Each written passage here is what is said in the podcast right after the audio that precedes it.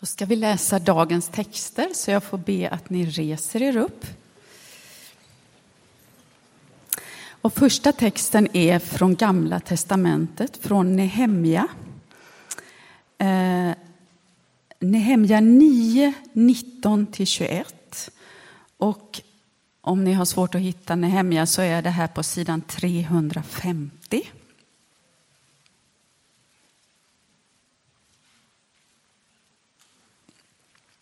Då börjar vi alltså på vers 19.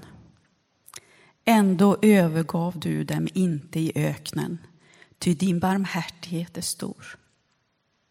Molnpelaren vek inte från dem om dagen, utan ledde dem på deras väg. Och eldpelaren lyste för dem om natten på den väg de skulle gå. Du gav dem din goda ande för att undervisa dem. Du vägrade dem inte manna att äta. Du gav dem vatten i deras törst. I 40 år sörjde du för dem i öknen för att de inte sak, så att de inte saknade något. Sen ska vi gå till Matteus 6.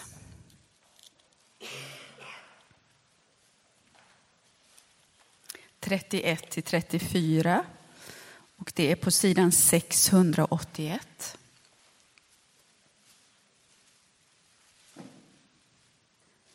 ...681. Från vers 31. Gör er därför inga bekymmer. Fråga inte vad ska vi äta, vad ska vi dricka, vad ska vi ta på oss? Allt sådant jagar hedningarna efter, men er himmelske far vet att ni behöver allt detta.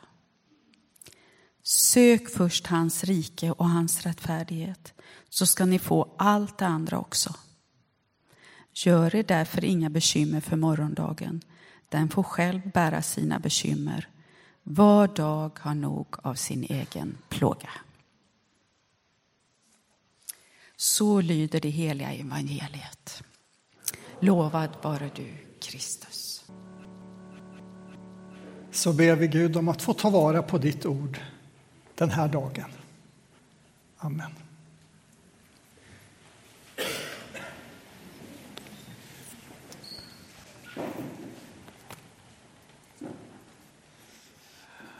Ja, valdag som sagt och jag tror att vi är många som är uppfyllda av den här veckans slutspurt i valrörelsen.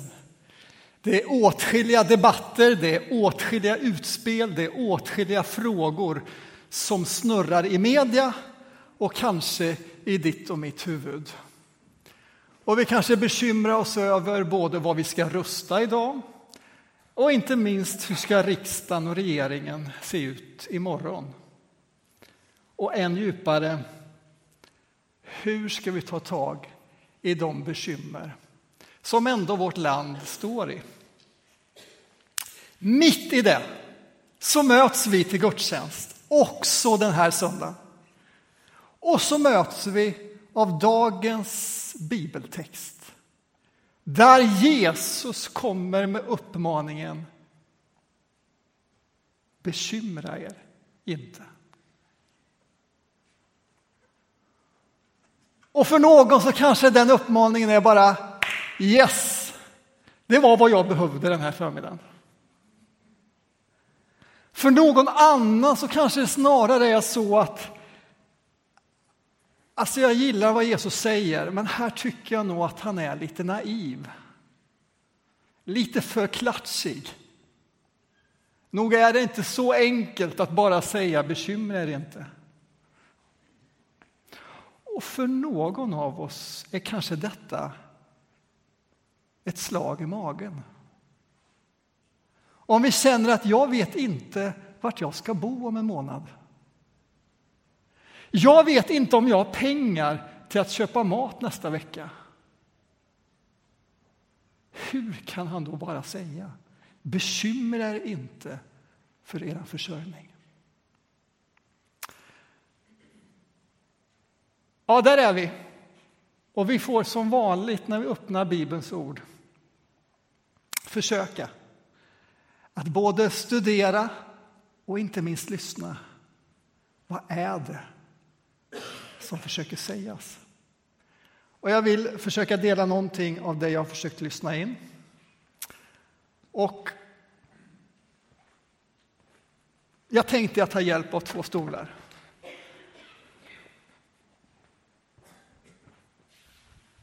Det brukar ju vara någonting. Någon frågade mig när jag gick upp för trappan, vad ska du ha för rekvisita idag?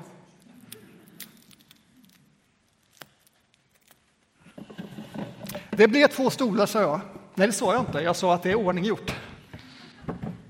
En stol har vi där och så tar vi den andra stolen.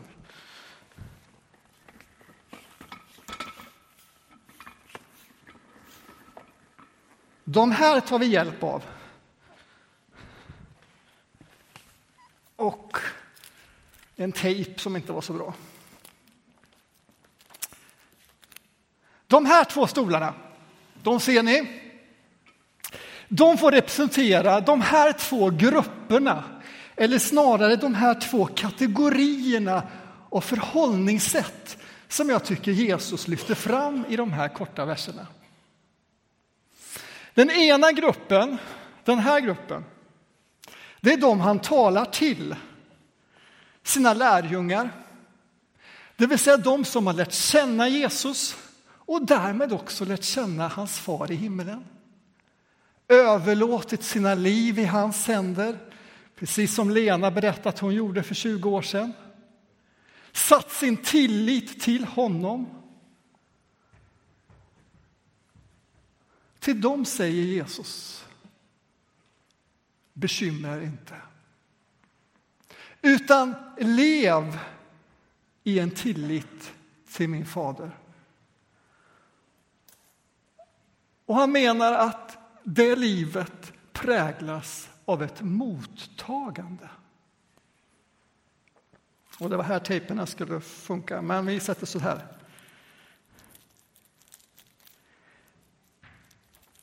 Bekymmer inte, er fader vet vad ni behöver och han kommer ge er under förutsättningen att vi sökte honom först. Här är ett mottagande förhållningssätt i livet. Den andra gruppen, som har en annan stol det är de då som inte lärt känna Jesus, inte känner hans fader i himlen, inte har överlåtit sitt liv i hans händer och därmed är utlämnad åt sig själv. Om de anar vi Jesus säger att präglas av ett jagande. Jag tror Bibel 2000 hittar rätt när man faktiskt översätter jagande där. Har du en annan översättning så står det andra. Men det finns ett jagande därför att man har sin tillit till någonting där man utlämnar åt sig själv, till sina egna styrkor, till sina egna förmågor och till sin egen försörjning. Och här blir det ett jagande och ett samlande. Låter det kategoriskt? Lite svartvitt? Det värsta är att Jesus blir än mer kategorisk när han förklarar om vad är roten till de här två livsstilarna. Han säger ju därför bekymra er inte till sina lärjungar. Och då måste vi fråga oss varför då? Och så tittar vi texten innan som vi hänvisar till och där hittar vi att Jesus talar om makter. Två makter. Den ena makten, det är hans far i himlen. Och båda de här makterna vill ha våran röst. Båda makterna vill ha våran tillit och båda makterna erbjuder trygghet till oss. Den ena makten är hans far i himlen. Här erbjuder trygghet genom att vi överlämnar vår kontroll till honom. Du, Gud, i himlen, äger kontrollen. Till dig sätter jag min tillit och det ger mig en trygghet. Den andra makten Jesus talar om den erbjuder också trygghet, men av rakt motsatt anledning. Den erbjuder en trygghet genom att ge en känsla av kontroll genom att jaga eller samla på hög. Det här blir ännu tydligare om vi skulle läsa Lukas version av den här texten. För där finns också Jesu uppmaning om att bekymra er inte. Men där föregås texten av en händelse. Den händelsen består av att en man kommer fram till Jesus och vill ha hans uppmärksamhet. Och han befinner sig i en arvstvist. I ett känsligt läge. Då som nu. Och mannen är bekymrad över att han ska bli missgynnad i denna arvstvist. Så han kommer till sin religiösa ledare, rabbi Jesus, och säger Hjälp mig! Se till att min bror delar arvet rättvist med mig. Och man kan ju tycka att Jesus som kommer med Guds rike, som gestaltar Guds rike, som är Guds rike och som har en lidelse för rättvisa. Att han skulle möta mannen. Ja, visst, det är klart att jag vill ge, göra detta rättvist. Men som vanligt när det gäller Jesus så försöker han lyssna in. Vad är det djupare som ligger bakom? Och ur den texten anar vi och förstår att Jesus just är ute efter mannens tillit. Och så undervisar han honom om det genom en berättelse om en bonde som får en fantastisk skörd som varje svensk lantbrukare den här hösten skulle bli avundsjuk på. Och han samlar och bygger nytt i nya lador och det bara växer och det blir stor, eh, massor. Och det är en fantastisk välsignelse. Tänk att få en rik skörd. Men Jesus utmanar och till och med kallar honom för dåre. Därför att bonden säger gott, nu har jag mitt på det torra. Nu är min framtid säkrad. Nu är min försörjning klar för lång tid framöver. Och det är en dårskap i Jesu ögon. Och så är han krass och säger, för vad hjälper det om ditt liv avslutas i natt? Här är makten ett jagande efter ett samlande, att sätta sin tillit och därut få en kontroll eller en känsla av trygghet. Nu har jag mitt. Och här var ett mottagande.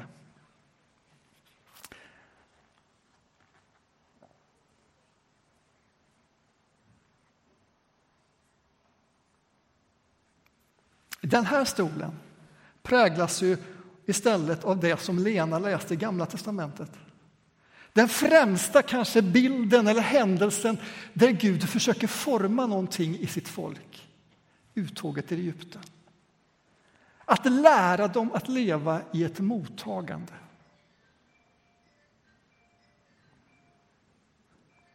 Och man kan ju fundera på varför det skulle ta 40 år för, för Guds folk att gå från Egypten till Israel.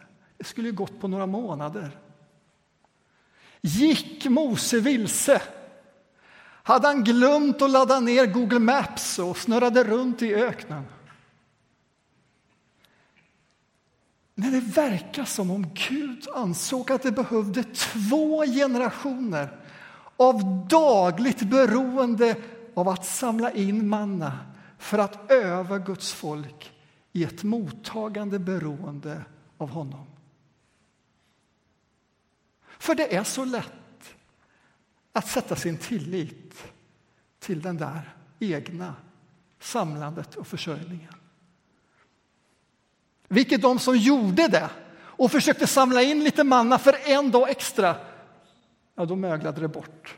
För att lära dem att leva mottagande av sin far. Två stolar, två kategorier av livsstilar, människor, tillit. Och det är klart vi måste ställa oss frågan. Är den här uppdelningen Jesus gör, är den rimlig idag? Är den eftertraktansvärd? Är den för överhuvudtaget möjlig att leva efter i vår tid, i vår kultur? Tillhör inte detta bondesamhället som på något sätt tydligare levde av att be om regn för just en bra skörd? Vi har ju byggt upp helt andra strukturer i vårt samhälle. Det vi väl ändå måste säga, eller det jag får erkänna att där vi snarare sätter vår tillit. Jesus talade om marknaden och i vår tid talade vi mycket om, eller om mammon. I vår tid talar vi mycket om marknaden. Marknaden som ska få tillväxten att fungera.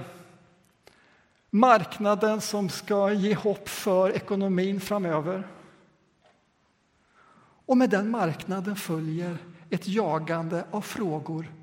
Hur går det med kursen, med konjunkturen, med valutan och så vidare?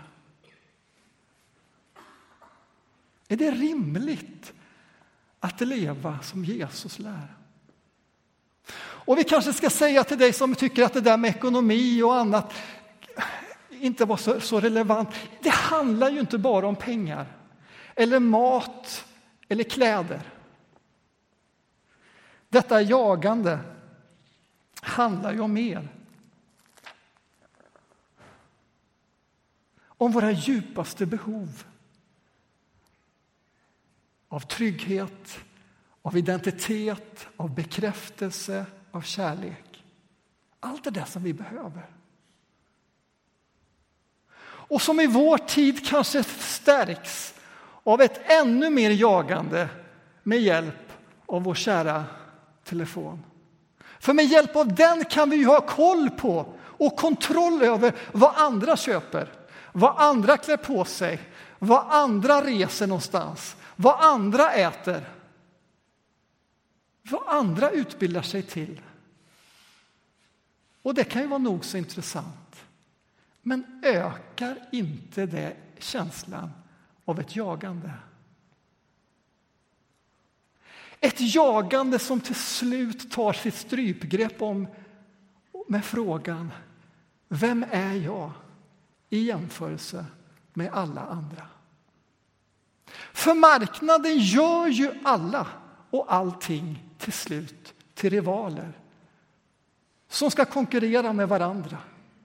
Och då blir det armbågarnas princip. Och så talar Gud om ett mottagande. Vad innebär det som kristen i den här tiden? Jag har inget bra och enkelt och snabbt svar på det. Men jag önskar och jag tror att vi som kyrka skulle behöva ägna de frågorna mycket mer uppmärksamhet. För för Jesus verkar det vara uppenbart att detta, här finns något väsentligt. För ytterst vill ju Jesus ta oss ur Egypten, ur ett jagande och in i ett frihet av mottagande.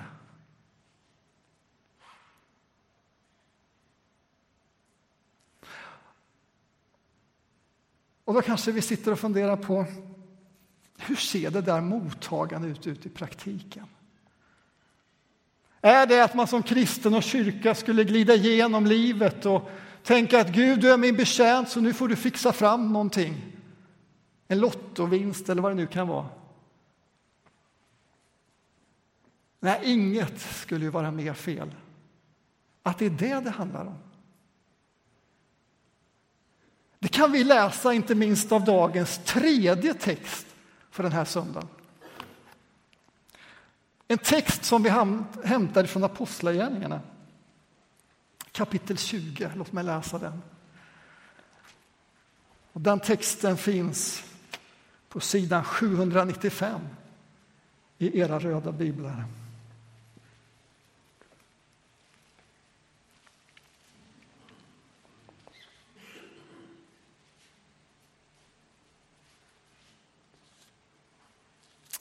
Det är Paulus som säger någonting här. Han som försöker förkroppsliga Jesu undervisning ut i församlingarna. Och nu möter han en församlingsledning i Efesus och det är sista gången han träffar dem. Så det är ett känsloladdat möte och det är ett möte där han ser tillbaka på sin relation till dem. Och så säger han så här. Nu anförtror jag er, det är vers 32. Nu anförtror jag er åt Gud, åt hans nåderika ord, det som kan göra er till hans byggstenar och ge er en arvslott bland alla andra som helgats. Och så lyssna nu, så här talar Paulus om sig själv. Jag har aldrig velat få silver eller guld eller kläder av någon. Ni vet själva att dessa händer har sörjt för mina egna och mina följeslagares behov. Vi stannar bara så länge. Paulus säger alltså, när jag har varit hos er så har jag inte suttit mig ner och sagt att nu ge mig, för det har Jesus sagt. Nej, han säger, ja tvärtom, jag har jobbat för att få ihop min lön. Och Det här är en utmaning för varje avlönad pastor. Jag har inte bara försörjt mig själv, jag har försörjt det team jag haft omkring mig. Jag har jobbat hårt för det, men inte för att jagande bli någonting eller samla på hög, utan för ett syfte. Och så fortsätter han. I allt har jag visat er att ni genom att arbeta på ett sådant sätt ska ta er an de svaga med Herren Jesu egna ord i minne. Det är saligare att ge än att få. Så vad säger Paulus? Som befinner sig och förkroppsligar Jesu undervisning om mottagande. Ja, han säger, jag har arbetat. Men allt jag har tagit emot och fått på mitt lönekonto eller på annat sätt, det ses som en gåva ifrån Gud. Och jag ger det vidare. Och jag ger det till dem som har mindre än vad jag har.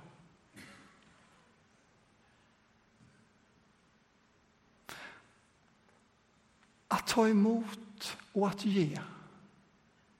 I kontrast till ett jagande, samlande, ett snurrande som går allt fortare. Finns det någonting här som Jesus vill säga också oss? Jag tror att en lärjunges och kyrkas rörelse och grundprincip är just detta. Att ta emot och ge vidare. Att allt jag får, om det är en gåva från vännen i kyrkan eller om det är lönen från ett arbete, om det är studiebidraget, det är ytterst ifrån Gud. Och hur ser jag på det jag har och äger? Vad gör jag med och framför allt, vad är min tillit till det? Ja, det verkar vara viktiga frågor för Jesus. Och här finns en möjlighet där Jesus bjuder oss in som kyrka och som enskilda i en tid som denna. Jag tar emot och jag ger. Jag tar emot och jag ger. Och är inte det det som Jesus talar om när han säger sök först Guds rike? Sök hans ansikte, se allt som en gåva ifrån honom. Och sen, sök hans rättfärdighet. Ge vidare till dem som har mindre.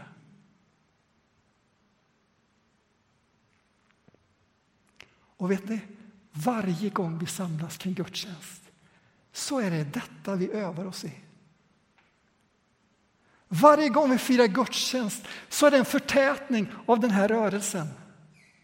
Vi kommer för att tillbe honom som vi vill erkänna. Du har kontrollen. Dig vill vi ha vår tillit till. Och vi vill ta emot ifrån dig, av ditt ord och inte minst av brödet och vinet, där vi rent kroppsligen får öva oss i att sträcka fram våra händer och se oss som mottagare. Sen kan vi gå till förbönen och fortsätta ta emot ifrån Gud. Och så finns det rörelse att ge vidare. Insamlingen på slutet är inte en fråga om, om Saronkyrkan har, har dåligt eller mycket med pengar. Det är en fråga om att ge vidare. Och när vi kommer ut på kyrktorget eller ner i fikabänkarna, eller bänkar är det inte där, stolar, så är vi som är lite mer trygga här, har en möjlighet att ge vidare uppmärksamhet till den som är lite mer osäker idag.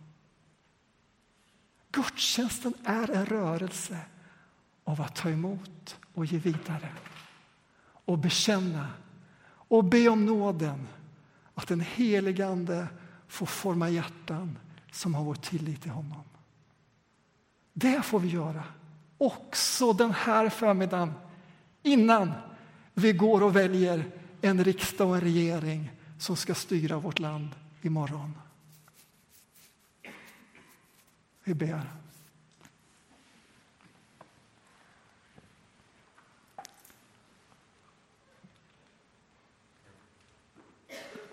Fader i himlen.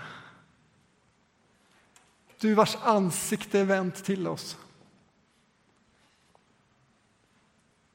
Tack att vi får likt Jesus bedja om ge oss det bröd vi behöver för dagen.